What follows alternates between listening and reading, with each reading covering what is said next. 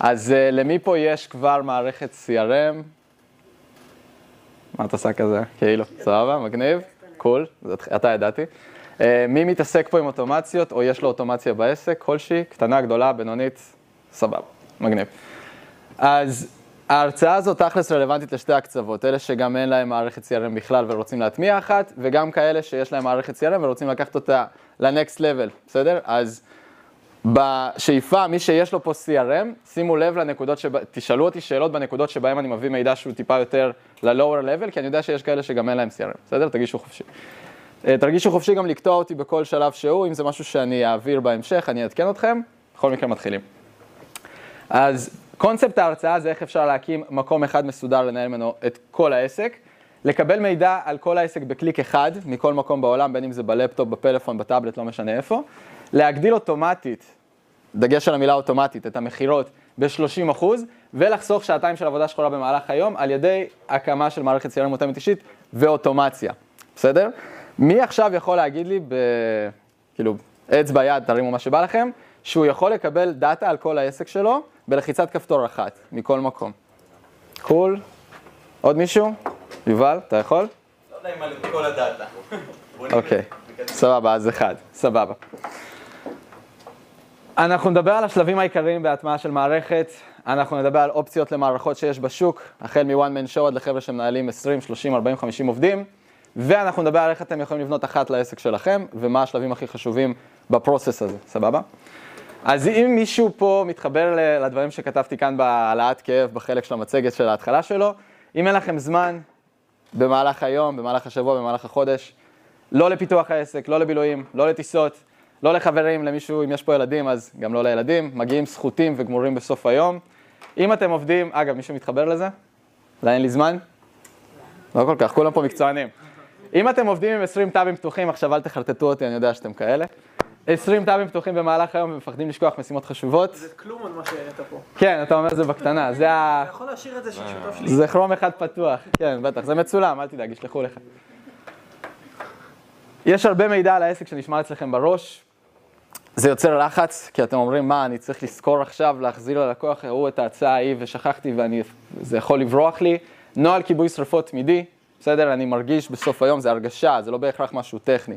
מרגיש שלא הספקתי, מרגיש שלא סיימתי, אם מישהו מתחבר. יפה. מצד אחד אתה הכי מסודר ומקבל דשבורד, אבל בסדר, לא משנה. אה, יש לכם בלאגן, כל פעם צריך לחפש מידע בין גיליונות, גוגל שיט, דברים. אתם לא בטוחים במצב הלקוחות שלכם, מה המצב? וזהו, אני מפסיק לעלות כאב. יכול להיות שכבר ניסיתם לנהל לידים ולקוחות באקסל, מישהו פה ניסה לנהל לידים ולקוחות באקסל? עדיין. עדיין, אוקיי, סבבה. ומערכות לניהול משימות, מישהו פה ניסה, מישהו פה קצת מתוחכם טכנולוגי, טרלו, מאנדיי, דברים כאלה, רב יוז כאלה? מגניב, אוקיי. סמארט סוט, סבבה, נחמד. אז אנחנו נדבר על איך, איך אפשר יותר טוב מזה, בסדר? כי כרגע אני מניח, תקנו אותי אם אני טועה, שפה נתקלים בקושי. כאן אני צריך לחפש מלא זמן דאטה על בן אדם, כאן אני מדפדף בין כל מיני עמודות ולא סגור בדיוק איפה כל המידע. כל אחד נתקל פה בבעיות אחרות לאורך זמן, וזה כל הזמן צף, ולפעמים יש הרגשה של זה לא זה, אוקיי? ובמיוחד שאתם משלבים עובדים בעסק. יש למישהו פה עובדים, אגב? כולם כמעט, מדהים, אוקיי. ההרצאה סופר רלוונטית לכם. אז נעים מאוד לקרוא לכם איש ריימן, יש לי את הפודקאסט של הפרודוקטיביים, חלקכם שמעתם אותו, מכבד אתכם, תודה. אני המנכ"ל של חברת רייז, הבעלים של חברת רייז גם, המייסד. אנחנו עוזרים לבעלי עסקים לבנות מקום אחד מסודר, שממנו מנהלים את העסק, מערכות CRM, קרי ההרצאה של היום. שמתי פה לוגוים של דה מרקר ולסטארט-אפ, כי שמנו שם כתבות וזה וואסאח, אז זרקתי את זה כאן, על הדרך. זה חלק מהלקוחות שעבדנו איתם, אולי אתם מכירים, זה חלק מה. עבדנו עם מעל 300 עסקים עד עכשיו. בדקתי בסטטיסטיקות, כן, זה כזה עיגול, ואז אם אתה עושה אחורה, סבבה? מה אתה אומר על מועדון היזמים? אז זהו, אז זה לקוח שפחות בא לי לדבר עליו, סתם. אז אולי את מועדון היזמים אתם מכירים, חלקכם מכירים את ניב, בטח טיילור, יש פה את הצופים, אתם מכירים, בסדר? הפורמט פה, למה אני מראה לכם את זה? לא בשביל להגיד לכם, תראו איזה גדול יש לי ועבדתי מלא עסקים. זה כדי להראות בדיוק שיש פה מלא סוגים של לקוחות שעבדנו איתם. למה? זה אשמתי, אני לא ממוקד נישה ספציפית, זה בעיה אצלי, מעניין אותי מלא דברים. אז אצלנו בחברה אנחנו מקבלים מגוון רחב של לקוחות, והם מרוויחים מזה. למה? כי אני לוקח best practices, דברים שעובדים בכל מיני סגמנטים עסקיים שונים, ומשלב אותם במערכות של הלקוחות החדשים שנכנסים. זאת אומרת שהטפסים אצלנו, הנוהל, סיסטם, איך שתקראו לזה, תמיד מתעדכנים בדברים שעובדים כ-best practice לרוב האנשים, ותמיד יש לנו לאיזשהו נישה. קטע. מי? חוזרים בתשוקה. מגניב. זה מתחרה שלי. אחלה לקוחות. פצצה. כמה סטטיסטיקות, וההרצאה הזאת הולכת להיות מלאה בסטטיסטיקות ואחוזים, כי אני יודע רק לדבר באחוזים. יש לי דשבורד שמביא לי דאטה, ובלי סטטיסטיקה ואחוזים אני עובד על פי תחושת בטן, שזה נחמד, עד ל-level מסוים, אוקיי? אז מערכות CRM בגדול, אגב, הסטטיסטיקות של המערכות אצלנו בחברת רייז די זהות לסטטיסטיקות גלובליות בינלאומיות. יש בממוצע 29% גדילה במכירות ואחוזי המרה לאחר הטמעת מערכת CRM, בממוצע בין, חודש, בין חודשיים לשישה חודשים אחרי הטמעה. יש 45% צמצום פעולות תפעול ועבודה שחורה. אני שנייה אתעכב על זה, בסדר? כי פה זה קל, אתם עושים 100 שקל, אז אתם עושים 129 שקל בסוף חודש, בסדר? או שבמקרה שלכם 100 אלף, אז עושים 129 אלף, בממוצע. פה, העניין הזה, הוא, אני אדגיש את החשיבות שלו כי זה סופר קריטי. אם אתם עובדים ממוצע של 22 ימי עבודה בחודש, כי יש סופאשים וכאלה, אז תחשבו שאתם חותכים בחצי את הפעולות של העבודה השחורה שאתם עושים ביום-יום. אני עוד מעט אביא דוגמאות, אבל זה דברים כמו לשלוח חשבוניות, לעדכן לקוחות, לעשות פולו-אפ, כל הדברים האלה, בסדר?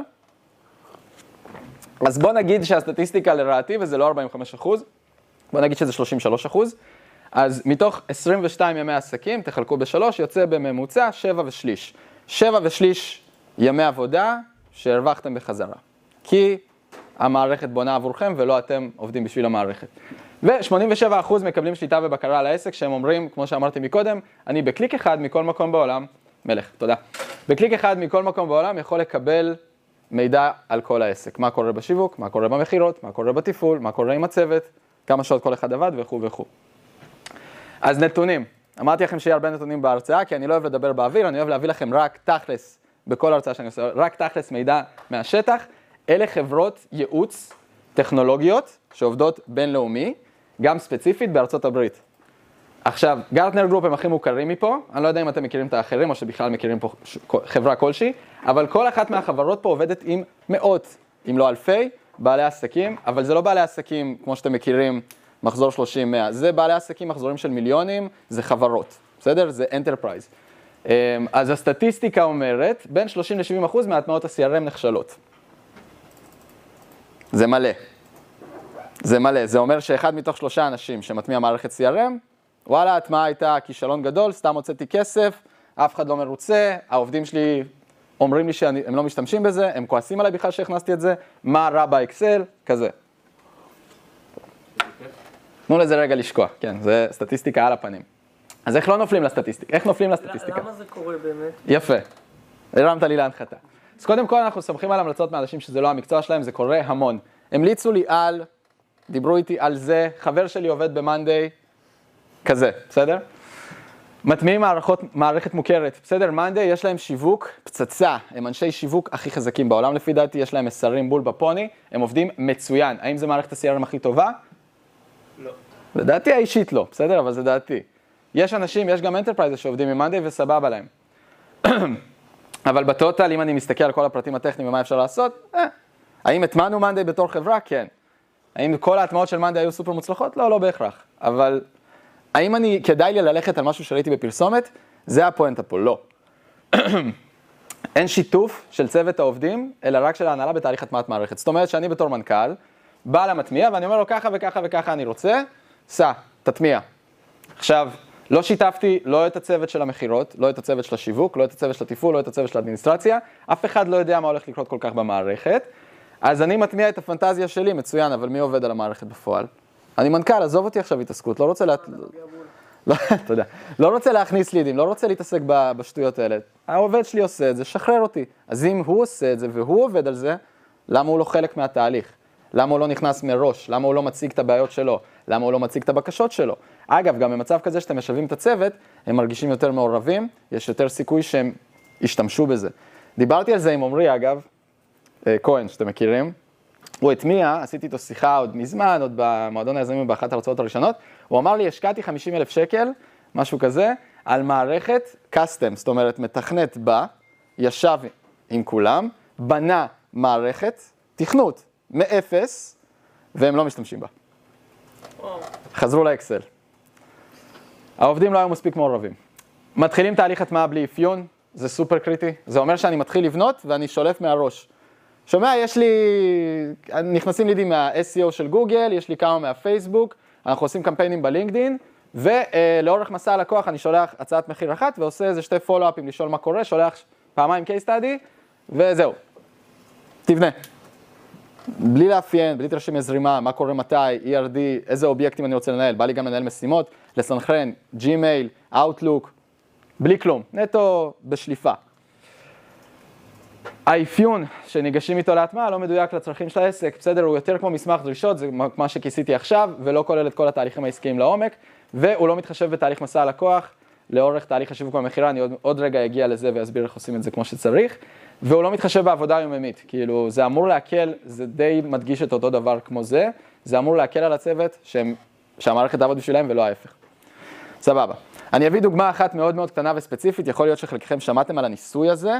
יש מחקר שעשו, אה, מבחן עצור קשר באתר זה נקרא, באנגלית, אני לא זוכר מה השם של זה, אבל זה בגדול, עשו את זה בארצות הברית, באו לכמה enterprises גדולים, חברות גדולות, ושאלו אותם, אמרו להם, כדי לבנות אתר חדש, כאלה שרוצים לבנות אתר חדש, אמרו להם, תקשיבו, אתם צריכים לבחור ספק אחד לעבוד איתו, שיבנה לכם את האתר.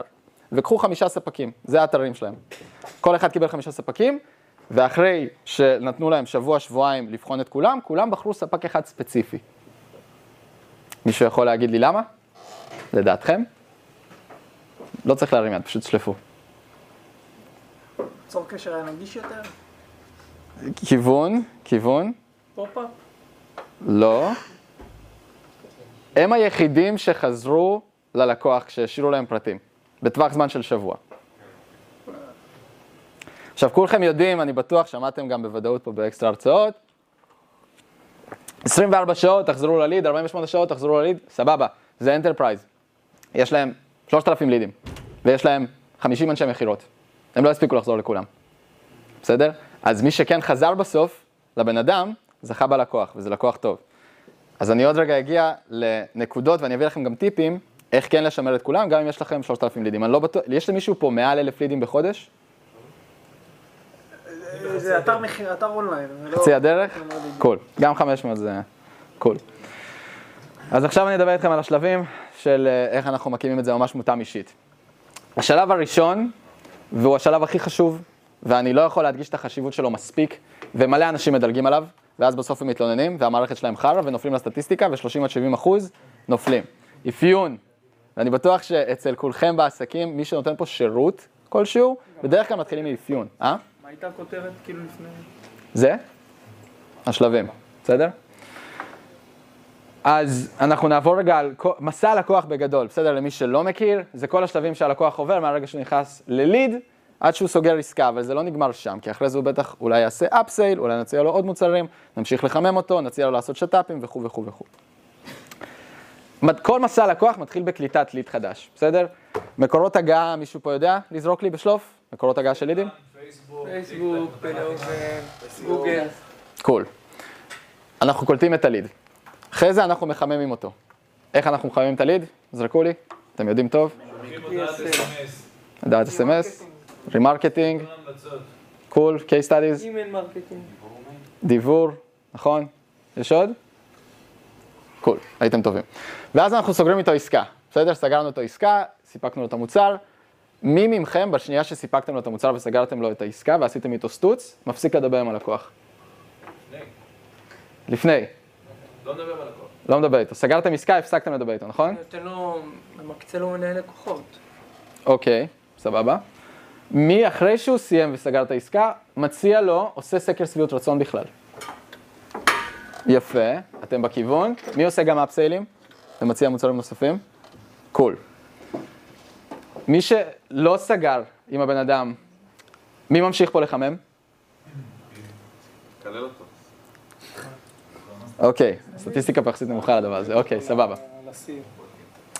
אז אני מביא פה, אני אמרתי לכם שה, שהמצגת הזאת תהיה מלאה בדוגמאות ו, ודברים פרקטיים תכלס. אצל הלקוחה הזאת ספציפית, אנחנו דייקנו את מסע הלקוח, והוספנו עוד שלבים בסוף במידה והוא לא נסגר, והוספנו גם שלבים בסוף במידה והוא נסגר.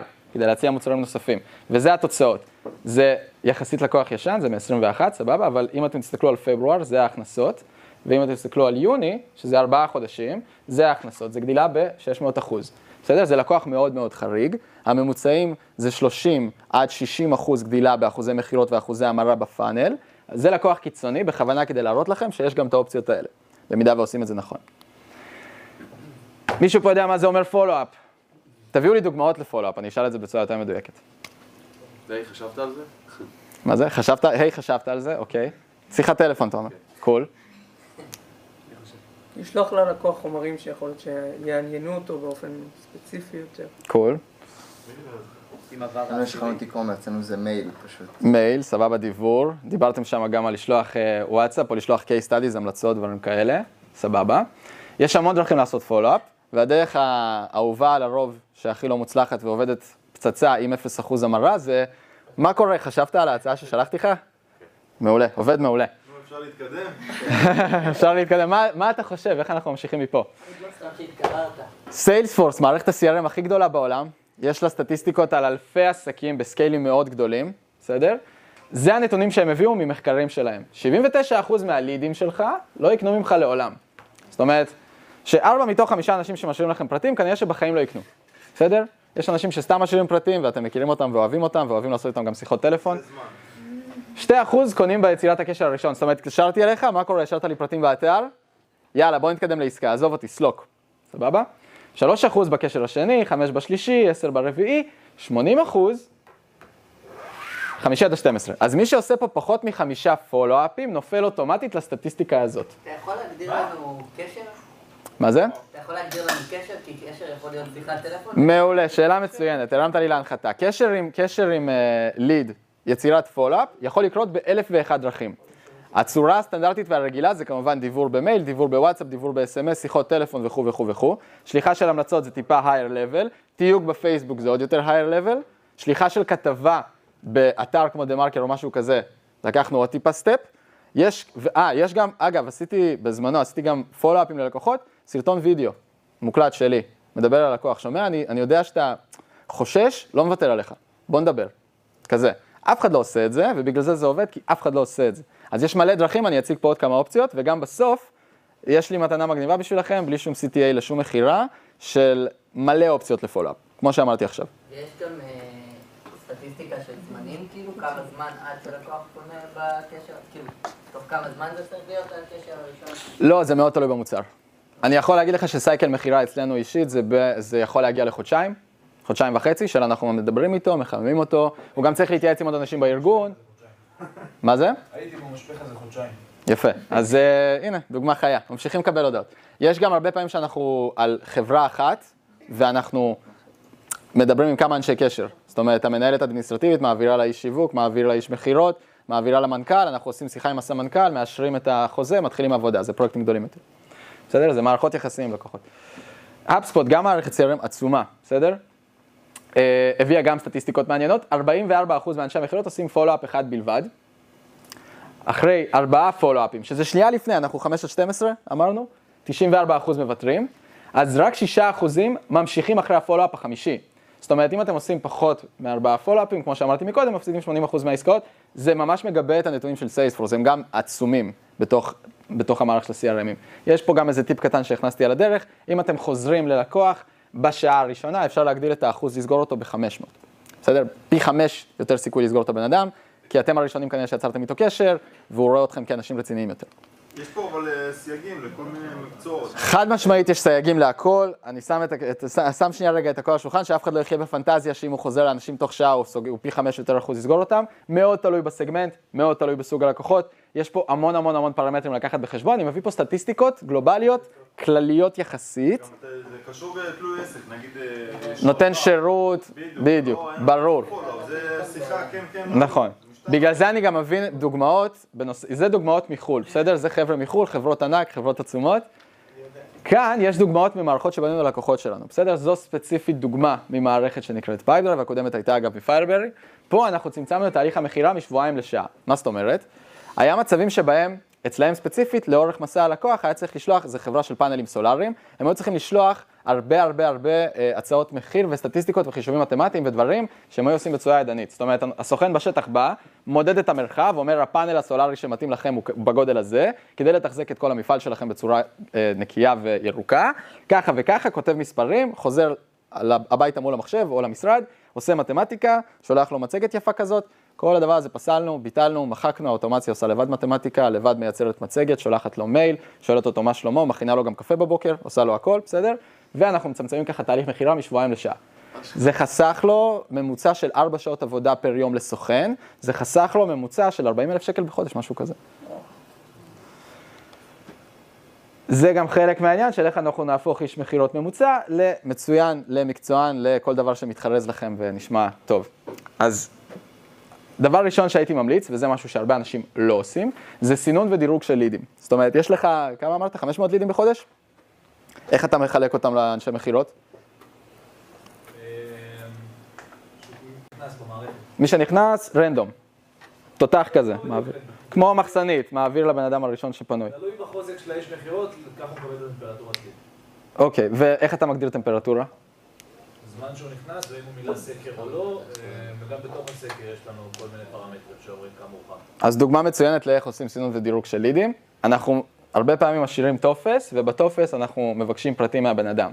אז אם מישהו בסוף של הטופס, יש שאלה כזאת מאוד נפוצה, עד כמה אתה מוכן, אה, עד כמה יש לך זמן כרגע, או אתה מוכן להשקיע, לא משנה איך אתם תנסחו את זה, להשקיע במוצר שלי עכשיו, ואז יש מ-1 עד 10. אז מי שעונה 1, אני אחזור אליו אחרון, ומי שעונה 10, אני אחזור אליו ראשון. ויש גם שאלות יותר עמוקות. האם יש לך כרגע את התקציב להשקיע בשיווק שלך 20 אלף שקל בחודש? התשובה היא לא, אז אתה יכול להביא שלוש אופציות. יש לי את התקציב, אין לי את התקציב, אני יכול לייצר את התקציב. אז אם מישהו אומר, יש לי, אני אחזור אליו קודם, אני יכול לייצר, אני אחזור אליו ב', אין לי, סבבה, אז לא נדבר. אז אני אשים אותך בתחתית של סדר העדיפויות, וזה בסדר. לא כל הלידים נולדו שווים, כמו שלא כל הלקוחות נולדו שווים, זה חלק מהעניין. כשאני עושה את הפעולה הזאת, אני מצמצם עבודה שחורה לצוות שלי. זה אומר שבסוף האנשי מכירות מטפלים נטו באנשים הרלוונטיים, וגם אם הם מטפלים בסוף בכולם וכולם מקבלים מענה שזה מצוין, מי שהכי רלוונטי יקבל מענה ראשון. זה הכי חשוב. כי אז הם יותר סיכוי שהם יסגרו, כי אז אתם מראים יותר רצינות והתייחסות וכו' וכו' וכו'. רוב היום גם אנשי המכירות נתקלים בלא. אגב, מי פה מנהל אנשי מכירות? אני... אוקיי, אז אני מדבר ישירות אליך. רוב היום אנשי מכירות מקבלים לא, אז כדאי לעודד פעולות ולא רק תוצאות ולשקף להם מידע רלוונטי. לדוגמה, אם חלק מהפעולות שאנשי המכירות צריכים לעשות, ואם אתם אנשי המכירות, אז סבבה, אני אקח את זה גם אליכם, פגישות, שיחות זום, טלפונים, למדוד גם את זה ולתת להם גם סטטיסטיקות על זה, או לעצמכם, בסדר? כי להגיד, אני לא בסדר, לא סגרתי היום שום ליד, זה סבבה, אבל ב mindset שלכם זה דופק אתכם, כי אתם בבאסה עכשיו, לא עדיף להגיד, וואלה, איזה תותח, עשיתי היום 100 שיחות. וקבעתי 4 זומים להמשך השבוע. זה גם סטטיסטיקות שכדאי להסתכל עליהן, וזה גם דברים במשפך, אז כדאי לראות גם את האחוזים שם. רוצה שהם אה, לאורך זמן ישחקו. בדיוק, מדויק. ויש איזשהו קרב כזה מאוד מאוד נפוץ ו- ומוכר בין מחלקת השיווק למחלקת המכירות. השיווק אומר, הבאתי לכם מלא לידים, למה אתם לא סוגרים? ניב אוהב את זה. והמכירות אומרים, כן, אבל הלידים שלכ, שלכם לא משהו. כאילו, הם לא, הם לא טובים, הם גם לא מחוממים מספיק, לא... הם, הם, לא, הם לא יסגרו איתנו בחיים. אתם צריכים להביא לידים יותר איכותיים. אז יש כזה קרב כל הזמן, כל הזמן נלחמים. בארגונים זה ממש בולט, ממש. אתם נכנסים לחדר עם הסמנכ"ל שיווק ועם הסמנכ"ל מכירות, והם עוד שנייה בצעקות שם, לפעמים, בסדר? קיצוני, הלכתי קיצוני בכוונה.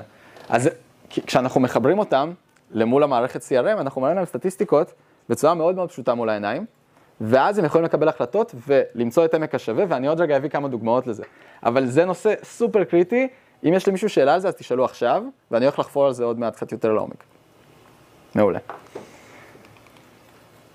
המרכיב השני במסע לקוח מוצלח, זה יותר בשבילכם וזה פחות בשביל הלקוחות, אבל זה גם בשביל הלקוחות. זה לבטל את העבודה השחורה והידנית על ידי אוטומציות. מישהו פה לא מכיר אוטומציה? כולם מכירים, פצצה. הראיתי לכם מקודם מסע לקוח סופר בסיסי, קלטנו ליד חדש. אז הבאנו אותו מהמייל, הוא נרשם לנו באתר וורדפרס, הוא נרשם לנו בדיבור, עשינו איתו זום וובינר, אה, התקשר אלינו. מה קורה, יוסי המליץ לי עליך, וואטסאפ, שלח לכם וואטסאפ, שלח לכם הודעה בפייסבוק, קבע איתכם בקלנדלי, לא משנה מה, נקלט ליד חדש לתוך המערכת, בסדר? אנחנו מתחילים לחמם אותו, אנחנו יוצרים איתו קשר, אנחנו עושים איתו פולו-אפים, קבענו איתו פגישה, עוד וובינר, עוד דיבור, עוד מייל, עוד טלפון, מחתימים אותו על הצעת מחיר, מחתימים אותו על חוזה, כל אחד עם השלבים ועם התהליכים אצלו בעסק, ואז בסוף אנחנו סוגרים אותו או לא סוגרים אותו. עכשיו, כשאנחנו סוגרים אותו, וזה הרבה נופלים בזה, הם פשוט, כמו שאני אומר, כאילו זה סטוץ כזה, סגרתי אותך, יאללה ביי, שחרר אותי, ומספקים את השירות ואת המוצר ומתעלמים מזה לחלוטין, בסדר? האוטומציה יכולה להקל עליכם ולבד כבר להציע מוצרים ושירותים נוספים שהם נלווים, לעשות upsale, cross sale לעוד מוצרים, לעשות down sale, זה תכלס עוד פה השלב של ה down sale, בסדר? אם הוא לא סוגר איתי אז אני עושה לו down sale למשהו, אבל כל הדברים האלה האוטומציה יכולה לעשות לבד בשבילכם. מישהו פה לא מכיר אגב את המושגים, תרגישו חופשי לשאול. סבבה. אם אני לא סוגר אותו, אז אני ממשיך לחמם אותו. מה אכפת לי? בוא נזמין אותו לעוד וובינר. בוא, בוא נתייג אותו במשהו בפייסבוק שרלוונטי עבורו, באיזה פוסט שמדבר בדיוק על הבעיה שעלתה אצלו. עכשיו זה, זה סופר higher level, אתם אומרים, איך אני אזכור מי דיבר איתי על מה בשיחת מכירה ואיזה התנגדות הייתה לו, ועכשיו איפה אני מתייג אותו? יפה, אז המערכת CRM יכולה להטריג לכם לבד.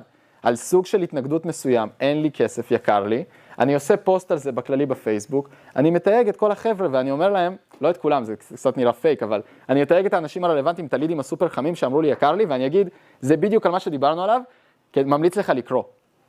סופר אישי, ואין שום סיכוי שיהיה לכם איזשהו דרך לזכור את זה, אם זה על אקסל כנראה. ב- CRM זה פשוט יקפיץ לכם את זה.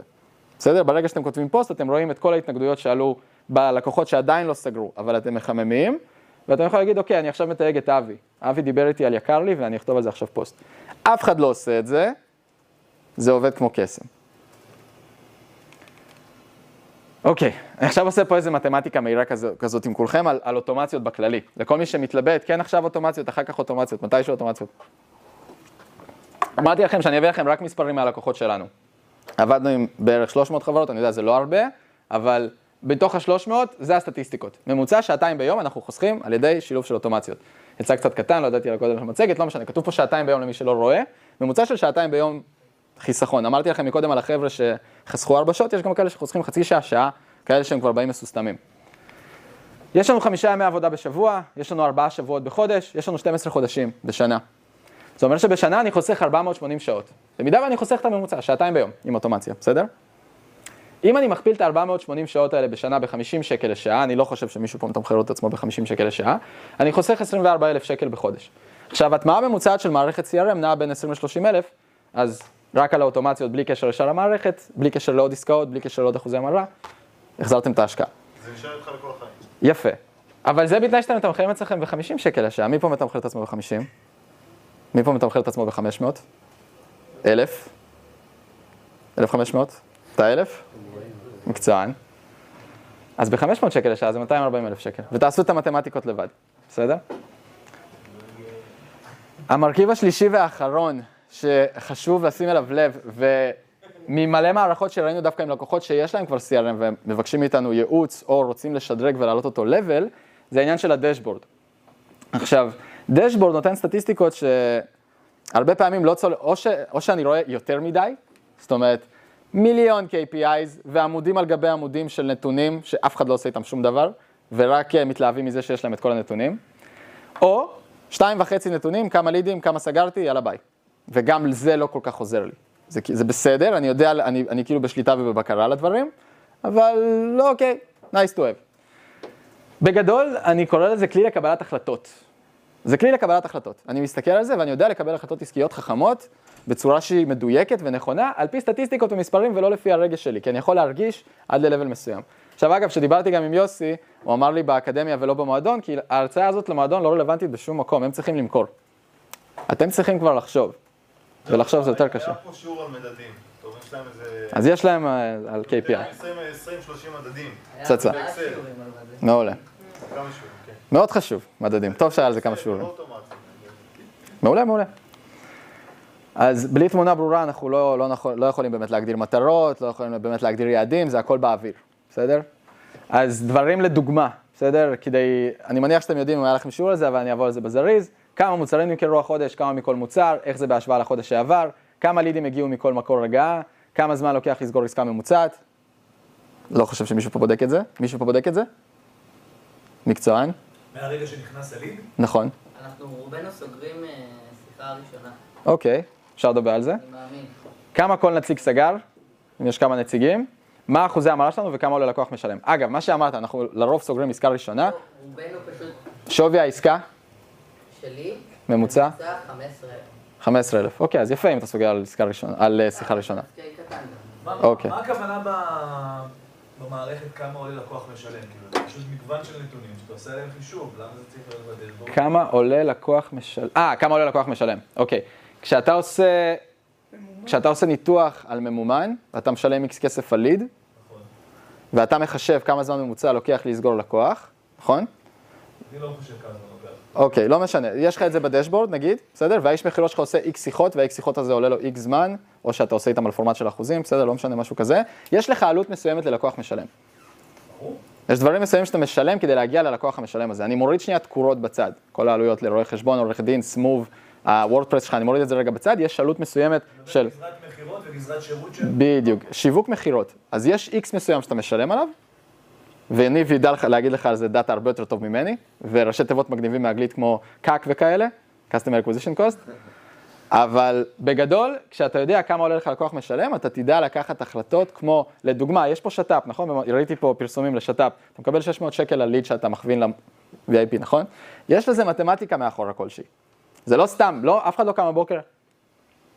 600 שקל, יאללה, בוא נביא להם 600 שקל. אני יודע כמה העלות של לקוח לשלם מבחינת שיווק ומכירות, אני לא מבין מה הקשר של זה למערכת, כאילו, פשוט נתון שמופיע שם? אז יפה, זה, זה נתון, יפה. אז כשיש לי דשבורד שמביא לי את כל הדאטה הזה, אני יכול לעשות את המתמטיקה הזאת, או אפילו מראש שהמערכת תעשה את המתמטיקה הזאת בשבילי. יש לי נתון בדשבורד, עלות לקוח משלם, ממוצעת. לחודש ינואר, לחודש פברואר, לחודש מרץ, לשנת 2022. שאלה טובה. דוגמה לדשבורד, בסדר? יש פה כמה דשבורדים, גם הבאתי לכם כמה דוגמאות של דשבורדים לפני. אה, אל תיבהלו מכמות המידע, זה בדרך כלל יותר מסודר. בואו. נגיד שאתם מסתכלים רק על העמוד הזה או רק על העמוד ההוא, אבל בכוונה זרקתי פה כמה אופציות. ניתוח של פניות לפי נציג, כמה לקוחות נכנסו, כמה מדדים. אצל חלק מהמקומות פה המידע מטושטש כי זה לקוחות, חלק מהמקומות פה המידע לא מטושטש כי יש אישור לעשות את. לשתף את הצילום מסך הזה מהלקוחות, בסדר? אה, כי זה נתונים יחסית יותר ישנים. ביצועים של כל אחד, של תומר, של משה, של ספיר, של אבא, לא משנה מה. כמה לפי כל אחד, בגרף כזה, בגרף כזה, איך שבא לכם להסתכל על המידע? בסדר? זה ספציפית Fireberry, כן, PowerLink, נכון. אה, הם שינו. הם שינו את השם, הם בינלאומיים, כן. אה, עוד כמה מערכות, כדי שלא תחשבו שאני סנגור של PowerLink, בסדר? זה מתוך ה ClickUp, זה מתוך ה Pipedrive, זה גם מתוך Fireberry, יש פה מלא מערכות. הפואנטה שלי בדברים האלה, שזה לא משנה באיזה מערכת אתם בוחרים, בסדר? זה קודם כל עניין של אפיון, קודם כל עניין של להבין צרכים, קודם כל. אחר כך נבחר את הכלי המגניב שאיתו אנחנו נשחק, סבבה? אה, סימנתי פה משהו ממש גם חשוב, זה כמה זמן באמת, באמת בממוצע לוקח לי עד שאני סוגר את הלקוח, זה הנתון שדיברנו עליו מקודם, כי זה משהו שאף אחד לא בוחן, אז אני תמיד נותן לזה אקסטרה דגש כשאני מדבר עם אנשים, כי מה שכולם בודקים ומה שכולם עושים, אני יודע, אני רוצה להביא טיפה אקסטרה פה, כדי שתיקחו איתכם משהו פרקטי ליישם במערכת CRM שיש לכם עכשיו, כבר היום, או למערכת CRM שתרצו לבנות, שתיקחו טיפה אקסטרה לבל במחשבה על הדברים, בסדר? אמ, כל אחד עם השלב העסקי שלו, אז אני פשוט נותן פה רגע דברים שהם לא סטנדרטיים. צריך לבנות את כל הדברים האלה מההתחלה, נניח עכשיו אין לי צוותי מכירות, עדיין אני צריך לבנות את הדשבורד, לא, אז זה משהו שתמיד ייבנה תוך כדי תנועה. תמיד ייבנה תוך כדי תנועה, והעסק שלך תמיד יגדל, ואתה תמיד תעדכן את המערכת CRM. אגב, יש קונצנזוס כזה, וגם אני אגב הייתי סנגור שלו הרבה זמן, והייתי תמיד אומר את זה, במערכת CRM בונים פעם אחת, ואוטומציה בונים פעם אחת, וזה עובד לנצח. לא מדויק. לא מדויק. אם העסק נשאר אותו דבר, היא כן תעבוד לנצח. זה אותו עסק, אין בעיה. העסק גדל, יש עוד אנשים, הפלואו של המסע לקוח השתדרג, עלינו ברמה, יש שינויים, צריך לשנות את המערכת, צריך להתאים אותה למצב הנוכחי של העסק. אז כל פעם צריך את האפיון ואז את השינוי. אז לא בהכרח, אם עשית אפיון מדויק בהתחלה והכל בנוי, סביר להניח שגם השינויים בעסק שלך טיפה מינוריים. אם, אם פתחת חברה לייעוץ לחדרי כושר, ומחר בבוקר החלפת לייעוץ לקוסמטיקאיות, ושינית את הכל, אתה צריך אפיון מחדש. אבל אם אתה חברה למועדוני כושר והוספת שם אקסטרה מוצר, אז אתה מאפיין אותו בקטנה ובונה אותו. ככל שהאפיון אגב בהתחלה יותר מדויק ויותר נכון ונבנה כמו שצריך המערכת, ככה השדרוגים האלה גם יותר פשוט לעשות אותם. יש עוד שאלות לגבי זה, אגב? או שאלות בכללי? אז KPI זה המדדים שעל פיהם אנחנו בונים את הדשבורדים, ויוסי כבר אמר שעשיתם על זה מכירות, אז אני לא אחפור על זה יותר מדי. בגדול, דברים שהם כלליים יותר שכדאי לבחון זה שיווק, זה מכירות, אה, זה אחוזי המרה בין, בין שלבים בפאנל. אני אביא פה דוגמה קלאסית שקורית כל הזמן, וניב, אתה מאוד תאהב את זה, אה, בשיווק. במשהו שקולטים מאוד מאוד מאוד מהר בדשבורד, במהלך, בפאנל שיווקי, שחוסך אלפי שקלים לקמפיינר, או לשיווק עצמו, לחברות עצמם, הקורפורט הענקיים שנקראים מטא וגוגל, בסדר? אז נניח שנכנס לכם, עשיתם שיחה עם ניב, סגרתם איתו retainer, ניב, אני משווק אותך פה בטירוף, אני מקווה שאתה מעריך את זה, תביא לי אחוזים, סתם. אה, עשיתם שיחה עם ניב, אמרתם לו, אני רוצה קמפיינים בגוגל וקמפיינים בפייסבוק, סבבה? ונכנס לי עשרה לידים בגוגל ומאה לידים בפייסבוק, אז אתם מתקשרים לניב, סליחה שנפלתי עליך, אבל זה, זה, מתקשרים לניב ואומרים לו, תקשיב, ניב, פייסבוק אש, גוגל, תעיף, לא, לא מתאים לי הנתונים האלה, מה זה המספרים האלה? על הפנים, תפסיק לעשות גוגל. אבל אז אתם אומרים, בסדר, כבר שילמתי לניב כסף, וכבר שילמתי לגוגל ולפייסבוק כסף, בואו ננסה להוציא מהם משהו. אז דיברתם, אז האיש מכירות שלכם או אתם, דיברתם עם החבר'ה מגוגל, ותשע ענו לטלפון, ופה 70 ענו לטלפון. שבע מתוך העשר לידים בגוגל קבעו איתכם פגישה, ו-40 מתוך הלידים בפייסבוק קבעו איתכם פגישה. על פניו עדיין, אתם אומרים, יש לי פה 40 פגישות, אחי, ופה יש לי שבע. על אותו תקציב פרסום כאילו? אז לא משנה התקציבים, אני לא, לא מדבר על תקציבים, נטו כמות לידים כרגע, בסדר? לא משנה כמה שילמת. כן משנה כמה שילמת, אבל זה אחר כך, כן, זה אחר כך. שנייה, אני מדבר פה על נושא אחר. אני שם את, שם את הזרקור על נקודה אחרת, בסדר? חמישה מתוך העשר פה אמרו ללקוחות משלמים, וכאן עשרה אמרו ללקוחות משלמים. על פניו יש לי פה עשר לקוחות ומאה לידים, פה יש לי עשר לידים וחמש לקוחות. פחות טוב, נראה, במבט ראשון, נכון? אבל אם אני מסתכל על זה רגע שלב קדימה, יש לי פה 50% המרה מליד ללקוח, ופה יש לי 10% המרה מליד ללקוח, ופה אני או האיש מכירות שלי עשה 100 שיחות, ו-30 בכלל לא ענו לי, ואני פמפמתי אותם בפולו-אפים, והם עדיין לא ענו לי, כי הם שמו איזה טלפון פיקטיבי, וכאן עשיתי 9, 10 שיחות, ואחד לא ענה, סבבה, עשיתי 9 שיחות. כמה משאבים של חברה, של עסק, השקעתי כאן, כמה אנרגיה, כמה זמן, כמה כסף, וכמה פה השקעתי. וכמה הרווחתי פה, וכמה הרווחתי פה. אז בפועל, סבבה, יש לי פה חמישה לקוחות ופה עשרה, אבל מה שאני הייתי עושה, הייתי מתקשר לניב והייתי אומר לו, תקשיב, ניב, תוריד לי את התקציב בפייסבוק או תתקן את המודעה, ובוא נשים פה דאבל תקציב על הלידים בגוגל. זה, ואז צריך לבדוק, לא בטוח שדאבל תקציב יביא 20 לידים, יכול להיות שהוא יביא 15. ואז הוא מוריד את האחוז המרה. בסדר, זה משהו אחר. אני מדבר פה נטו ספציפית על, על משהו של, אם אני מסתכל בשורה הכי קרה שיש, הרבה פעמים אומרים לי, במצב הזה אומרים לי, גוג, פייסבוק עובד מצוין, גוגל חצי כוח. אתה בטוח?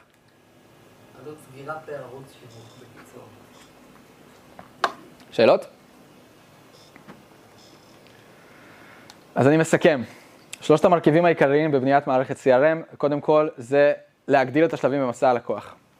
אחרי זה להוסיף אוטומציות כדי שנעבוד פחות קשה ונעבוד יותר קל ונוכל לנהל את העסק מתאילנד.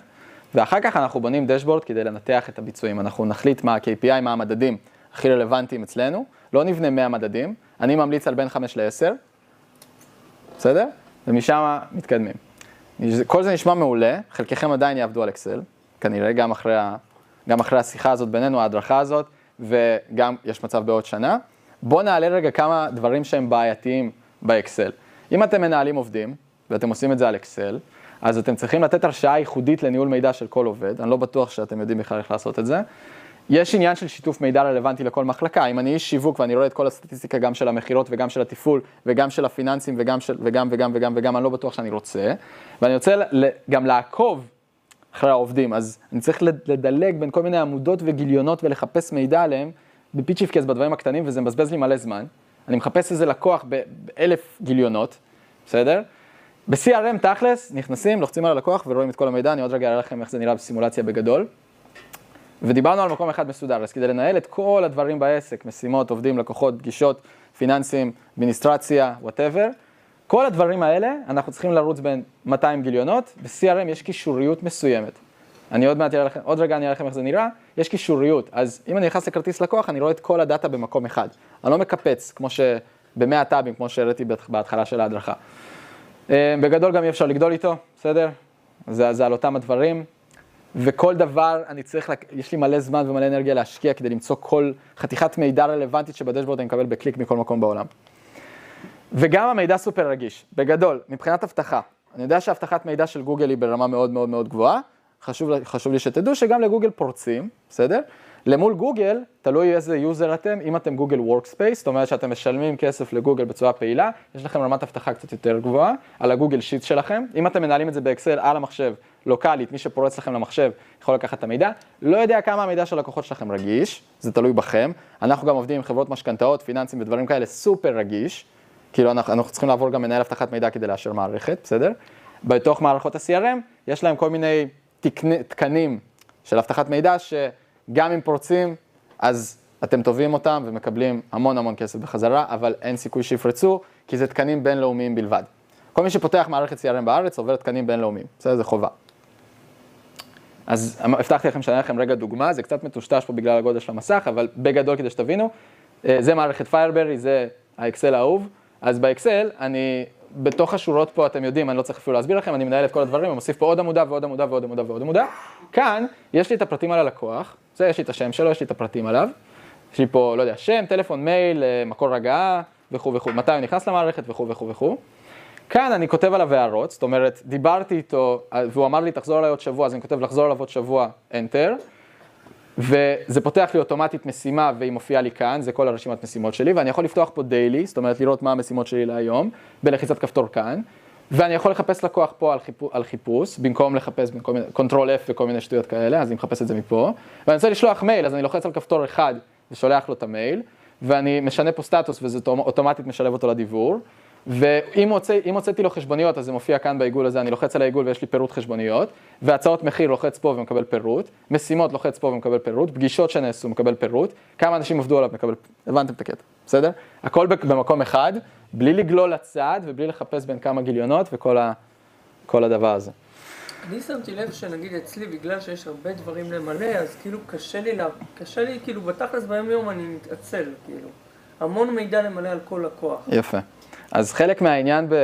כשאתה עושה אפיון, גם אנחנו מדברים על זה ונותנים על זה דגש, יש נטייה להביא כמה שיותר מידע. דיברנו על מדדים ועל KPI לבחון באמצע, כמה שיותר לדחוף, ומה הצבע האהוב על הלקוח, ומה החיית אה, נפש שלו, וכמה ילדים יש לו, ואיפה הוא מבלה, ובלה בלה בלה, ושזה נחמד, אבל לא בהכרח רלוונטי, וכמה מהמידע זה באמת רלוונטי, וכמה הוא מתיש אותי או את אנשי המכירות שלי. בעבודה היומיומית. בדיוק. אז אנחנו רוצים לצמצם את זה למינימום, ושהמערכת תיקח מקסימום. אז לדוגמה, דיברנו על טופס סינון לידים מההתחלה, אם יש משהו חשוב שאני צריך לקבל ממנו, אני רוצה לקחת את זה עוד בטופס. בסדר? גם אם הוא לא ימלא את הטופס ואני קולט אותו, השאיר לי שם טלפון, לקח לי את הפרטים, ואז מעביר אותו לטופס, ואז הוא ממלא את הפרטים. גם אם הוא לא העביר מפה לפה, סבבה, אבל אם הוא עבר, אני כבר רוצה לקחת את רוב המידע. אני רוצה בסוף שאנשי המכירות שלי או אני יתקשרו לסלוק. כן. אני לא רוצה שיתפתחו שם שיחות נפש, אני לא רוצה שהוא ישאל אותו מה הצבע ההובל, אני לא רוצה שהוא יתעסק בדבר הזה. כי זה מבזבז מלא זמן, מבזבז אנרגיה, ואז בסוף גם הלקוח הזה לא ייסגר, הוא יתבאס עליו. כן. ודיברנו על זה, מקבלים הרבה לא. או שאתם מקבלים הרבה לא, כן?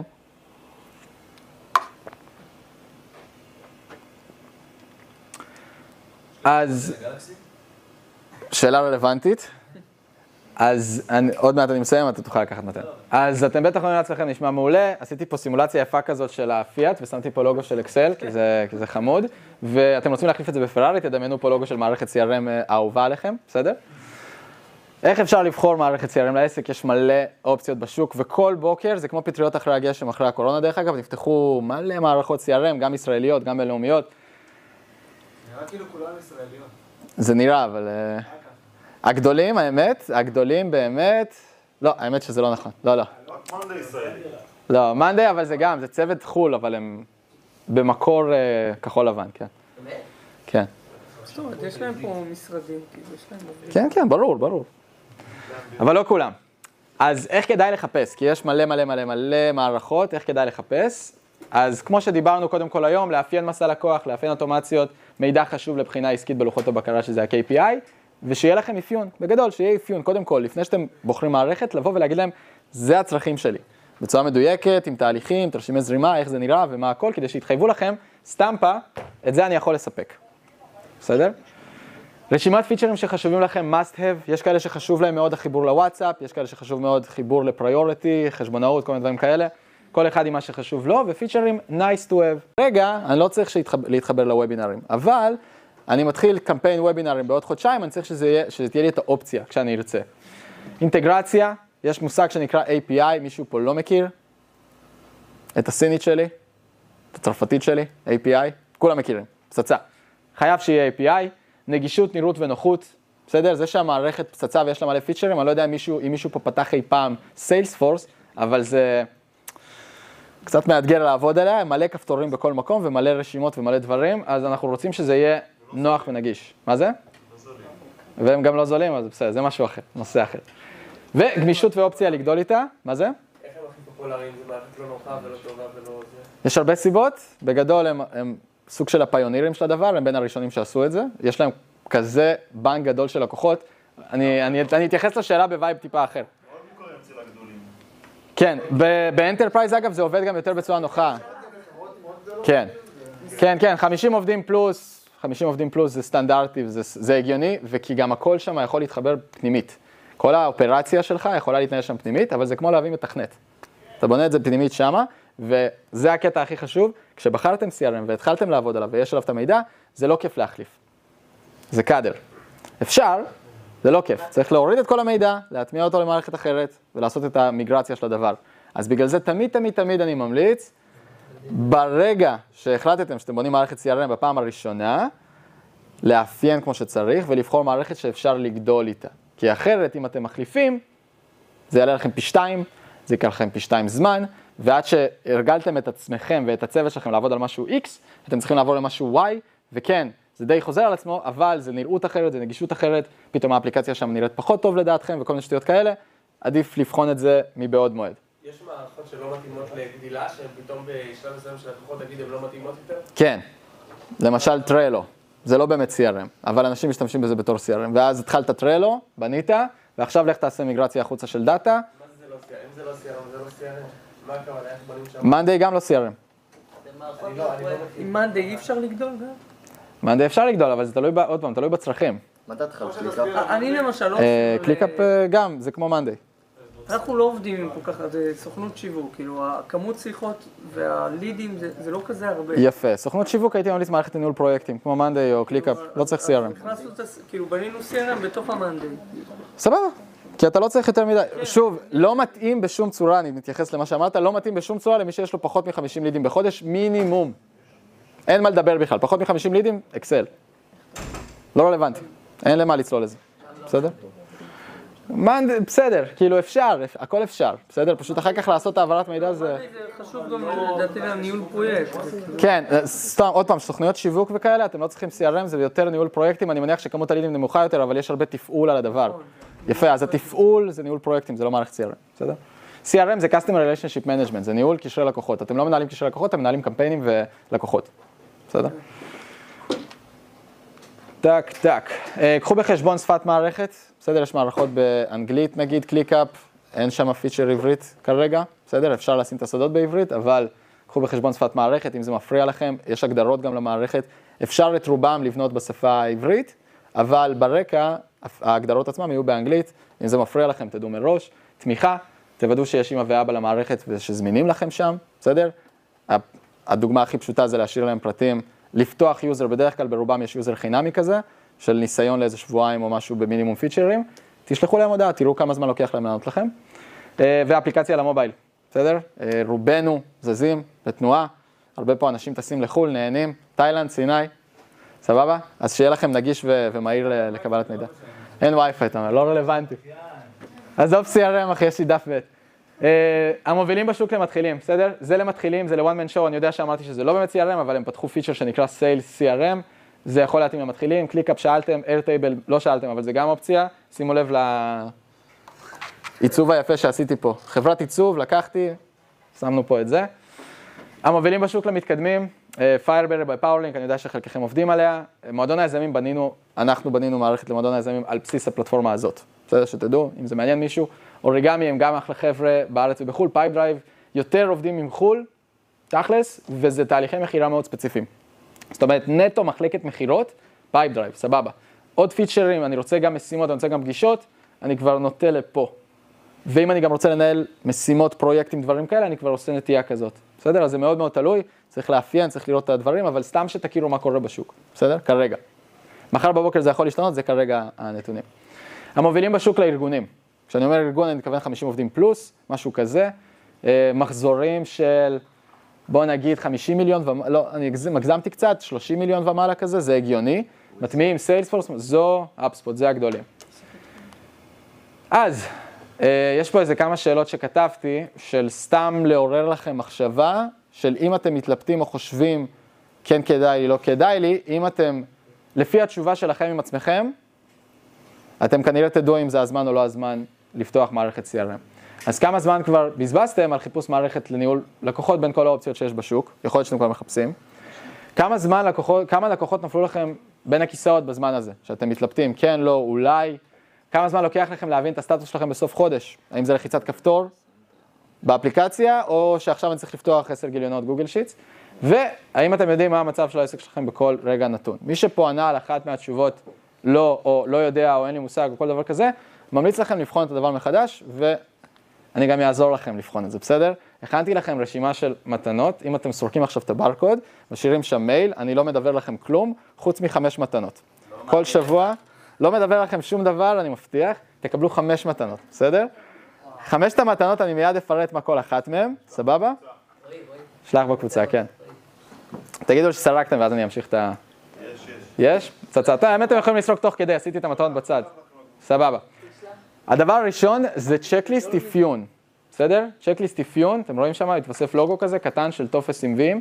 checklist אפיון למערכת CRM. יש שם בגדול את ה... מי שרוצה לאפיין את עצמו לבד, לא רוצה לעשות את זה עם איש מקצוע, יש שם טופס שעובר על כל מסע הלקוח, קליטת פרטים מלידים, KPI מומלצים לניתוח וכו' וכו' וכו'.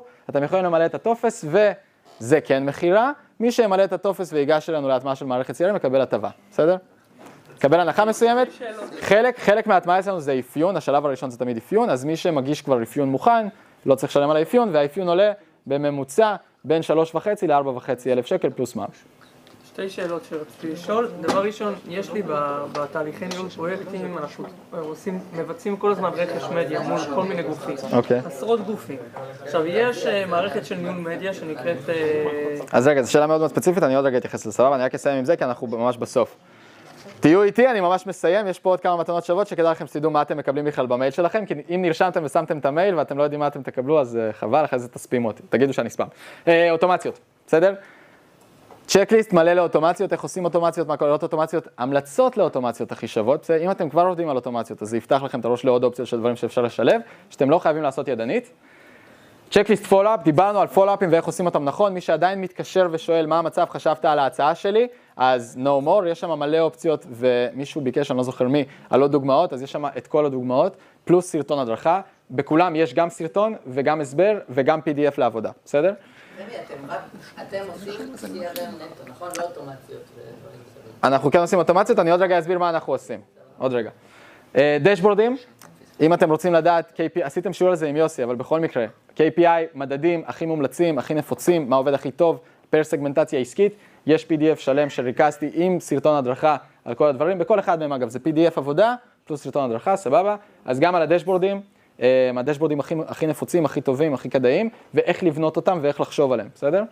ובחן את הקמפיינר שלך, ניב ישנא אותי על זה, אקסל שעובדים עליו עם הקמפיינר כדי לבחון אותו על הפיצ'יפקעס הכי קטנים של מה הוא עושה, כי אתם משלמים המון כסף על שיווק ממומן, וחלקכם לא יודעים מה קורה שם, זה black box. ניב, תעבוד, שחרר אותי, בסדר? אז כדאי כן לבחון את הקמפיינרים. נפלתי עליך, אני מדבר על כל קמפיינר בעולם הזה. מה זה? לפחות לא רוצים אבל. אבל הם לא רוצים, כאילו. זה- אין בעיה, לא רוצה, לא צריך, אבל זה בשבילכם אם אתם רוצים, בסדר, אתם קמפיינרים, בסדר, אני שם אתכם בצד. הלקוחות שלכם, שזה החבר'ה האחרים בחדר. אמ, זהו, זה בגדול, מי שלא הספיק לסרוק, תגידו לי עכשיו, אני אחכה לכם עוד רגע. קול. עכשיו על השירותים שלנו, מי שרוצה, מוזמן ליצור איתנו קשר ב-wishtodelight.co.il, זה המספר שלי, מוזמנים להתקשר, ואם אתם תסרקו את הברקוד הזה, זה הכרטיס ביקור הדיגיטלי שלי, יש שם את כל ה social, אני ביוטיוב, בפייסבוק, בלינקדאין, בטיק טוק, באינסטגרם והכל, שונא את הטיק טוק, לא כזה חזק באינסטגרם, אבל ביוטיוב אני סופר, סופר חזק, ממליץ לכם מאוד לעקוב ביוטיוב ספציפית. יש גם את הפרודוקטיביים, שזה הפודקאסט שלי, יש אותו בכל הרשתות, כולם. לשאלתך, אה, אנחנו עושים הטמעת מערכות CRM, שנייה איתך, אנחנו עושים הטמעת מערכות CRM ואוטומציות, וזה מורכב מחמישה חת- חתיכות. קודם כל אפיון מלא, כל תהליכי השיווק, כל תהליכי המכירה, כל תהליכי השירות, תפעול, אדמיניסטרציה, שירות, ERD, תרשימי זרימה, מלא ראשי תיבות מגניבים באנגלית, הכל פורטים למסמך מסודר, כדי לדעת לאן אנחנו הולכים. לא חייבים להמשיך איתנו מהשלב הזה, אפשר לקחת את האפיון וללכת להטמיע סיילספורס, בסדר? אחרי זה אנחנו בוחרים מערכת ועושים הטמעה. אנחנו עושים הטמעה של המערכת שבחרנו, אחרי שאנחנו מאשרים אותה עם הלקוח, ויזואלית שזה מתאים, פיצ'רים שזה מתאים והכל. בסדר? ברמה הטכנית אנחנו יודעים אם זה טוב או לא טוב. אנחנו עושים אוטומציות, מחברים לכלל המערכות בעסק, לקליטת לידים, מסע לקוח, כל הדברים שדיברנו עליהם פה, מביאים הצעות ייעול לשיפור ולשדרוג כל התהליכים בפנים, איך אפשר לצמצם עבודה שחורה. יש לנו גם ניסיון עם מעל 300 עסקים, אז אנחנו נותנים הרבה הרבה הצעות לייעול בשלב של האוטומציה. מספקים הדרכה לצוות ולעובדים, שתי הדרכות שונות. למה? כי ה- להנהלה, סליחה, להנהלה ולעובדים. ההנהלה צריכה לדעת לבד איך לבנות שדה, דשבורד, כל מיני דברים קטנים כאלה שאפשר לבנות לבד בלי לבקש אה, עזרה מיועצת מה, כדי לא להוציא עוד כסף על שירותים נוספים, שידעו לעשות לבד, ואז יש לנו תקופת תמיכה. אני חושב, אני ממש בספק שמישהו נותן תמיכה כמונו, יש לנו תמיכה של חודשיים. אני יודע שכולם נותנים תמיכה שבועיים, חודש אם הגזמתי, אנחנו נותנים חודשיים כדי ללוות יד ביד, לוודא שכולם רגועים, וכולם שקטים והכל סבבה. כל הבאגים צפים בממוצע בשבועיים הראשונים, ואז רגוע. אגב, ממוצע עד שהמערכת עולה באוויר, למי שמעניין אותו, זה בין 30 ל-40 ימי עסקים, ככה שתוך שבועיים אתם כבר רואים שלד שאפשר לעבוד עליו, בסדר? לדוגמה, במועדון היזמים היו צריכים אותו בהול, אז תוך שבוע וחצי כבר היה שלד, כבר היה אפשר להתחיל לעבוד, ותוך כדי בנינו כבר את האוטומציות ברקע. אה, אתם עושים, כאילו האוטומציות יושבות על ה-CRM, לא בנפרד, נכון? ה-CRM זה בעצם הלב הפועם שלי, ואליו אני מחבר את הכל, באמצעות מערכות אה, צד שלישי, כמו Make, אינטגרומט, זאפייר וכאלה, אבל הלב הפועם שלי זה ה-CRM, ואליו אני עושה אינטגרציה. אפשר גם בקוד, פחות מומלץ, כי אז אתה צריך מתכנת לכל שטות קטנה. יש לי שתי שאלות. הראשונה, האם נגיד ה-CRM הוא רק למכירות, למחלקת מכירות, האם משם יש, אפשר לעשות אוטומציה שאוטומטית הנתונים יעברו לנגיד לאקסל עם כל מיני מדדים בכל התחומים, עם כל מיני מדדים, האם זה יכול אוטומטית לעבור? כן? אה, אוקיי, דבר שני, האם לידים שהגיעו נגיד מדף אה, אה, דף נחיתה שמישהו השאיר פרטים, או לוואטסאפ ישירות, או התקשר אליך, האם זה יכול להכניס שיחה שמישהו לחץ ישירות ל-CRM? יפה, מעולה. אז יש פה כמה אופציות לחבר את זה, תלוי. יש משהו שנקרא גם, שיחה, אתה מתכוון שיחת וואטסאפ או שיחת... לא, שיחה רגילה. מישהו, מישהו אה, מדף נח- נחיתה לחץ על, על האייקון של השיחה, התקשר אליך. קול. יש משהו שנקרא תותח שיחות, מרכזייה טלפונית, יצא לך לשמוע? מכיר? כן, כאילו מספר כזה וירטואלי שהוא... אה, אז לא בהכרח וירטואלי, אתה יכול גם לחבר כנראה את שלך. אה, הנפוצה שמתחברת ספציפית לפיירברי זה voice center, יש m-voice, יש אומני, יש אומני טלקום, יש מלא. דבר איתי אחרי זה אם אתה רוצה מספרים. בגדול, מדברים עם המרכזייה הטלפונית, עושים חיבור אינטגרציה, זה- הם די, הם מתחברים לרוב מערכות ה-CRM, לא לכולם. אתה עושה חיבור, ואז יש לך כמה פיצ'רים. יש לך אופציה של, אני שנייה אחת, יש לך כמה פיצ'רים, יש לך כמה אופציות. אחת זה נטו לעשות שיחות, click to call, זאת אומרת, אני לוחץ על הטלפון של הבן אדם ב-CRM, ואז הוא ישר מתקשר, ישר מחייג. אופציה נוספת זה תותח, זה אומר שאני עכשיו מחכה כנציג, הטלפון מתקשר. רגע, אני, הוא התקשר, אני, אני אגיע לזה, אני יודע מה שאלת, אני שנייה אחת. מתקשר לכולם לפי הסדר, טק, טק, טק, טק, טק. לא ענה, next, לא ענה, next, לא ענה, next. אם פעם התקשרו אליכם, זה בדרך כלל קורה באשראי, הם עושים את זה מלא, ממקס או משהו, התקשרו אליי בדיוק אתמול. אתה מתקשר, הם מתקשרים אליך, הם מתקשרים אליך, החוצפנים, אתה עונה, ואז נציג מיד יתפנה אליך. מה? אז כזה, זה התותח שיחות, שלשום, לא שלשום, יום חמישי אולי, בסדר, אל תתפוס אותי על הקטנות. ואז, אה, זה האופציה השנייה, ויש יש עוד כמה אופציות, אבל בגדול למה שאתה שאלת, כן, אפשר גם לעשות אינטגרציה כזו שאם אני מקבל את הפרטים של הליד, אז הוא משגר לי כבר לתותח שיחות, זאת אומרת, הוא מעביר אותו את הדבר הזה ומקפיץ אותו במרכזייה. אין לך פרטים. מישהו עכשיו יתקשר, מאיפה אתה יודע מה השם שלו? אני יכול לדעת, לא, לא משנה, זה ליד, השארת אצלנו פרטים. מספר בעצם, ו... בכל מקרה, ממליץ לך שאתה שם דף נחיתה, שם וטלפון. כן, אבל אם מישהו, אם יש לך אופציה, יש טופס, אבל יש גם אופציה לשיחה, אם זה שירות שהוא צריך, אתה יודע, סתם אה, חשמלאי, שאתה צריך מישהו עכשיו, אוקיי. והוא מתקשר אליך, אז אין לך שום פרטים עליו חוץ מהטלפון, איזה פרטים אתה יכול לאסוף ממנו? לא, אתה לא יכול. מה השאלה אבל? לא, האם קודם כל, האם יש עוד אופציה שזה אוטומטית ייכנס ל-CRM? כן, עם מעקב והכל, גם אם לא ענית, גם אם נגיד לא ענית לו, כן. מתקיים משהו מאינטראקציה. כן, דבר שני, מהוואטסאפ, הוא לוחץ לכפתור, אתה יודע, ישירות לוואטסאפ, נו. האם אה, הוא לחץ, השאיר לך הודעה, האם זה אוטומטית גם יכול להיכנס למערכת? זה חיבור אחר, יש חיבור שנקרא Cloud API של וואטסאפ. השאלה אם זה אפשרי באמת, כי, אני יודע שיש כאלה שניסו להטמיע מערכות מסוימות, מי שאני מכיר, אה, שזה לא כל כך הלך לו, בגלל שרוב הלידים שלו היו, הגיעו ככה, ו, וזה לא, וזה פשוט לא... אז צריך לבחון את זה מול... זה ספציפי, השאלה הספציפית, עוד פעם, טלפונים אפשר, ודאי, עשינו את זה גם. אוקיי. זה גם אנחנו לא צריכים להיכנס שם, אני אגיד לך את האמת. הודעות בוואטסאפ, צריך לבחון את זה, וצריך לראות איך זה בדיוק נכנס, וצריך לראות אם הוואטסאפ רשמי או לא רשמי. בדרך כלל בלא רשמי אפשרי, ברשמי בדרך כלל לא אפשרי. כאילו, business? יש, לא, לא, לא קשור ל business או לא business, משהו אחר. משהו אחר, משהו אחר. יש מטא, פייסבוק, בוחרים עם מי הם עובדים. מי שמאושר וקיבל מהם אישור, זה רשמי. לא מאושר, לא רשמי. יש מלא חברות פה ופה, זה תלוי בסוג החברה, בסדר? אה, מה שאפשר לשאול, מה שרציתי לשאול. כן, כן, כן. אה, אז אנחנו כל הזמן מבצעים רכש מדיה מול הרבה מאוד גופים. עכשיו השאלה היא האם לבנות דשבורד בתוך המאנדיי שאולי יוכל ל- כאילו לעשות את כל הדבר הזה תהליכי, או שלחבר למאנדיי, אה, יש כל מיני אה, מערכות כאלה, כמו מדיה אושן נראה לי, אוקיי. שהם הם מטפלות, כאילו הם, יש שם את כל הניהול תהליכי מדיה. השאלה אם לחבר אה, ספק שלישי או לבנות משהו בתוך המאנדיי.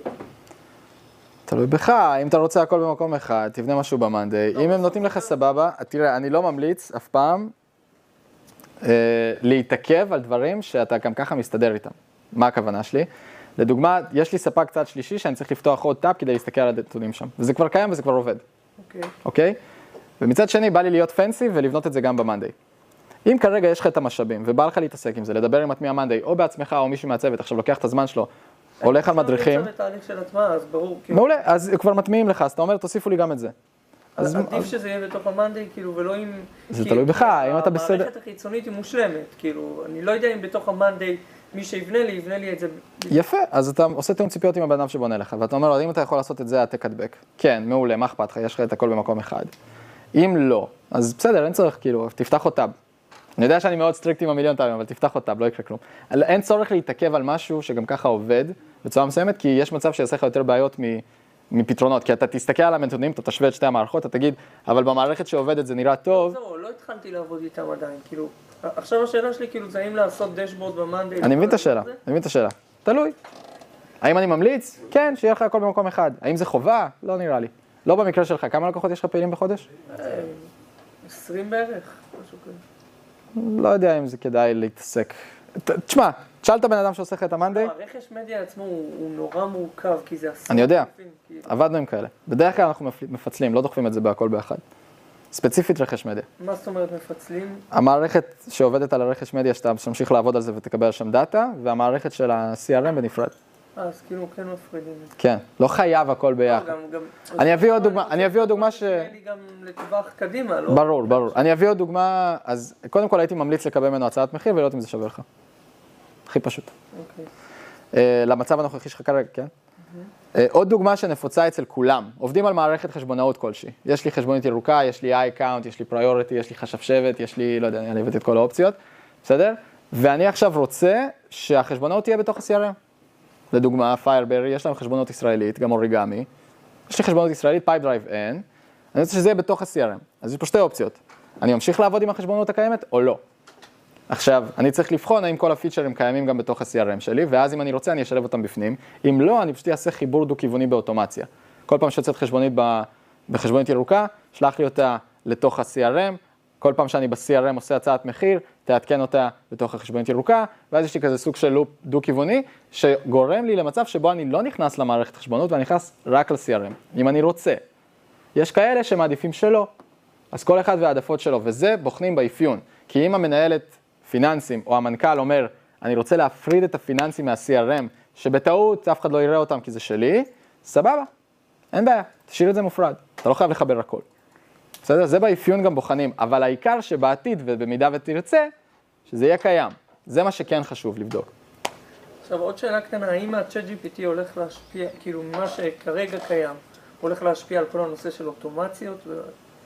כאילו... מניח שכן, לא יודע, מניח שכן. כרגע אין משהו שהוא... אה, אפשר לשלב את ChatGTP בתוך המערכות, כרגע גם עושים את זה, גם אנחנו עושים את זה גם. יש אבל הרבה נפילות שרת, זה לא עובד חלק. כמה זה עוזר, לא כל כך. כמה קאדר זה לחבר, לא כל כך. אמ, בכללי, בעולם האוטומציה, אני כן יודע שעובדים על מערכות CRM עם AI, שכאילו יבחנו את המידע וייתנו לך כבר KPI ודשבורד כזה מגניב, בדיוק לפי מה שאתה צריך, לפני שאתה בכלל יודע שזה מה שאתה צריך. האם זה בדדליינים וגאנט שאני יכול לראות על דוח שבעוד שנה זה יצא? לא. האם זה בשופוני וב, ובהייפ של, AP, של AI? כן. אמ, מניח שכן, אני בטוח שהכל יהיה ככה, כאילו, אני, אני, אני מסכים עם הטרנד, בסדר? אני, אני חושב שזה טוב דווקא. כן. רגע, זה ענה לך? כן, כן. מעולה. דיברת עד עכשיו יותר על הצד של, של הלקוחות ושיווק מכירות. כן. מה עם הצד של אה, ניהול משימות, זאת אומרת ניהול פרויקטים. גאנטים, אה, מעקב אחרי משימות מה העסק שלך? אה, שותפים שלנו אתר e-commerce. מגניב. e-commerce, אנחנו בדרך כלל לא בונים CRM, כי כל הדאטה נמצא בתוך, כל הדאטה נמצא באתר, כן. יש פלאגינים שכן נותנים לך פיצ'רים CRMים כאלה ואחרים. ובגדול, ניהול משימות ופרויקטים זה עולם בפני עצמו, לפעמים זה ניתן לביצוע בתוך ה-CRM, לפעמים לא. אז בגלל זה כשאנחנו עושים אפיון, אנחנו רואים האם יש מאפיינים של ניהול פרויקטים. נגיד, אם סוכנות שיווק מגיעה, אנחנו כבר מראש יודעים, כנראה לא צריכים CRM, ואם הם צריכים אז משהו בקטנה, אה, ויותר צריך לתת דגש על הניהול משימות ופרויקטים. אז נמליץ על Monday, ClickUp, stuff like that. אם הוא יגיד לי שהוא מנהל הרבה לידים ויש לו שם flow מסוים, נמליץ על מערכת CRM פרופר. היה גם סוכנות שיווק מאוד גדולה, ש- לאוס מדיה, מכירים אותם? סבבה, אז דיברנו איתם, אז הם עצומים, אז כאילו, אתה צריך גם CRM, אתה צריך גם ניהול פרויקטים בנפרד, אין לך איך לברוח, אתה לא תבנה הכל באחד, ואם אתה בונה הכל באחד, אז סיילספורס זו האפספוט, זה הכיוון.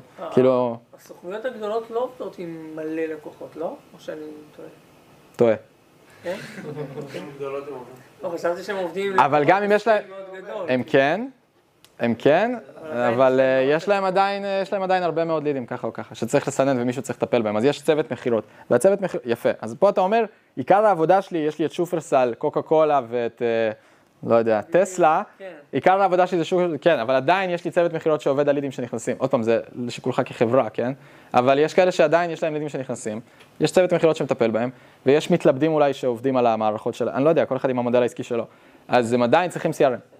ואז הם אומרים לי, אבל יש לי כבר, ואני רוצה משהו נפרד אולי למחלקה אחרת, או שאומרים, זה, זה כבר שיקולים של ארגונים, אני כבר פחות, זה לא, זה לא פה, זה כבר כאילו, higher level, האפיון שם זה לא, אנחנו עושים אפיון, סתם בשביל ההשוואה, כן, זה לא, זה לא מדד לכלום, אבל אנחנו עושים אפיון של 20-30 דפים, אז במקרה שלהם זה 100 דפים, בסדר? וואו. זה כאילו לחפור עכשיו ולהבין מי מתקשר עם מי, מי רואה מתי מה, האם ההנהלת חשבונות חשופה לדאטה של שיווק, האם זה חשוף לזה, כאילו זה אבטחת מידע, כן, זה קצת יותר לעומק.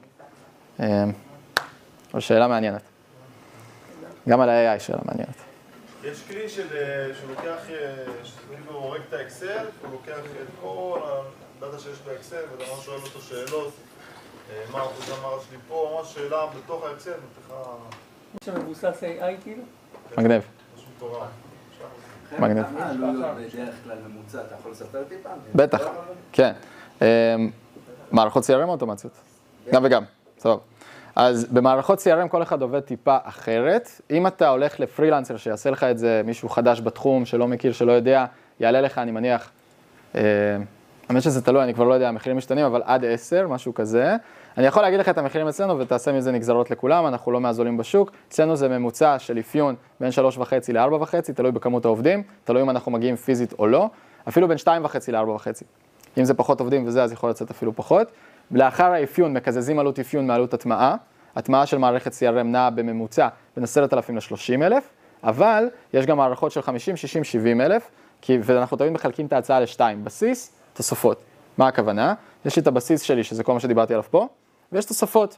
חיבור לפריוריטי, תחבר לי לחשבון, למערכת חשבונאות כזאת או אחרת, תעשה לי גם...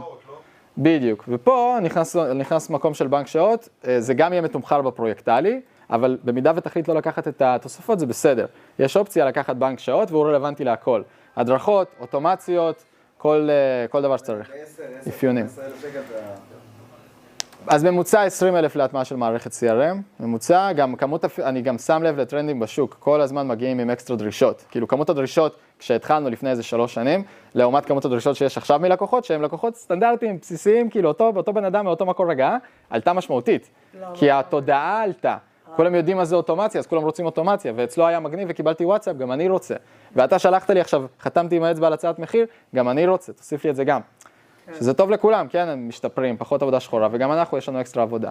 אמ, אז ברמה של בנקים של שעות, זה כבר תלוי כמה, כמה שעות אתה לוקח, זה יכול להגיע מ-3,000 עד ל-10 וגם 20-30, יש לנו לקוחות עם ריטיינרים יותר גדולים, אבל זה פחות רלוונטי נראה לי לחדר הזה, וזהו, זה בגדול. זה ענה לך פחות או יותר? שאלות? תנו לו יד. תודה רבה לכם.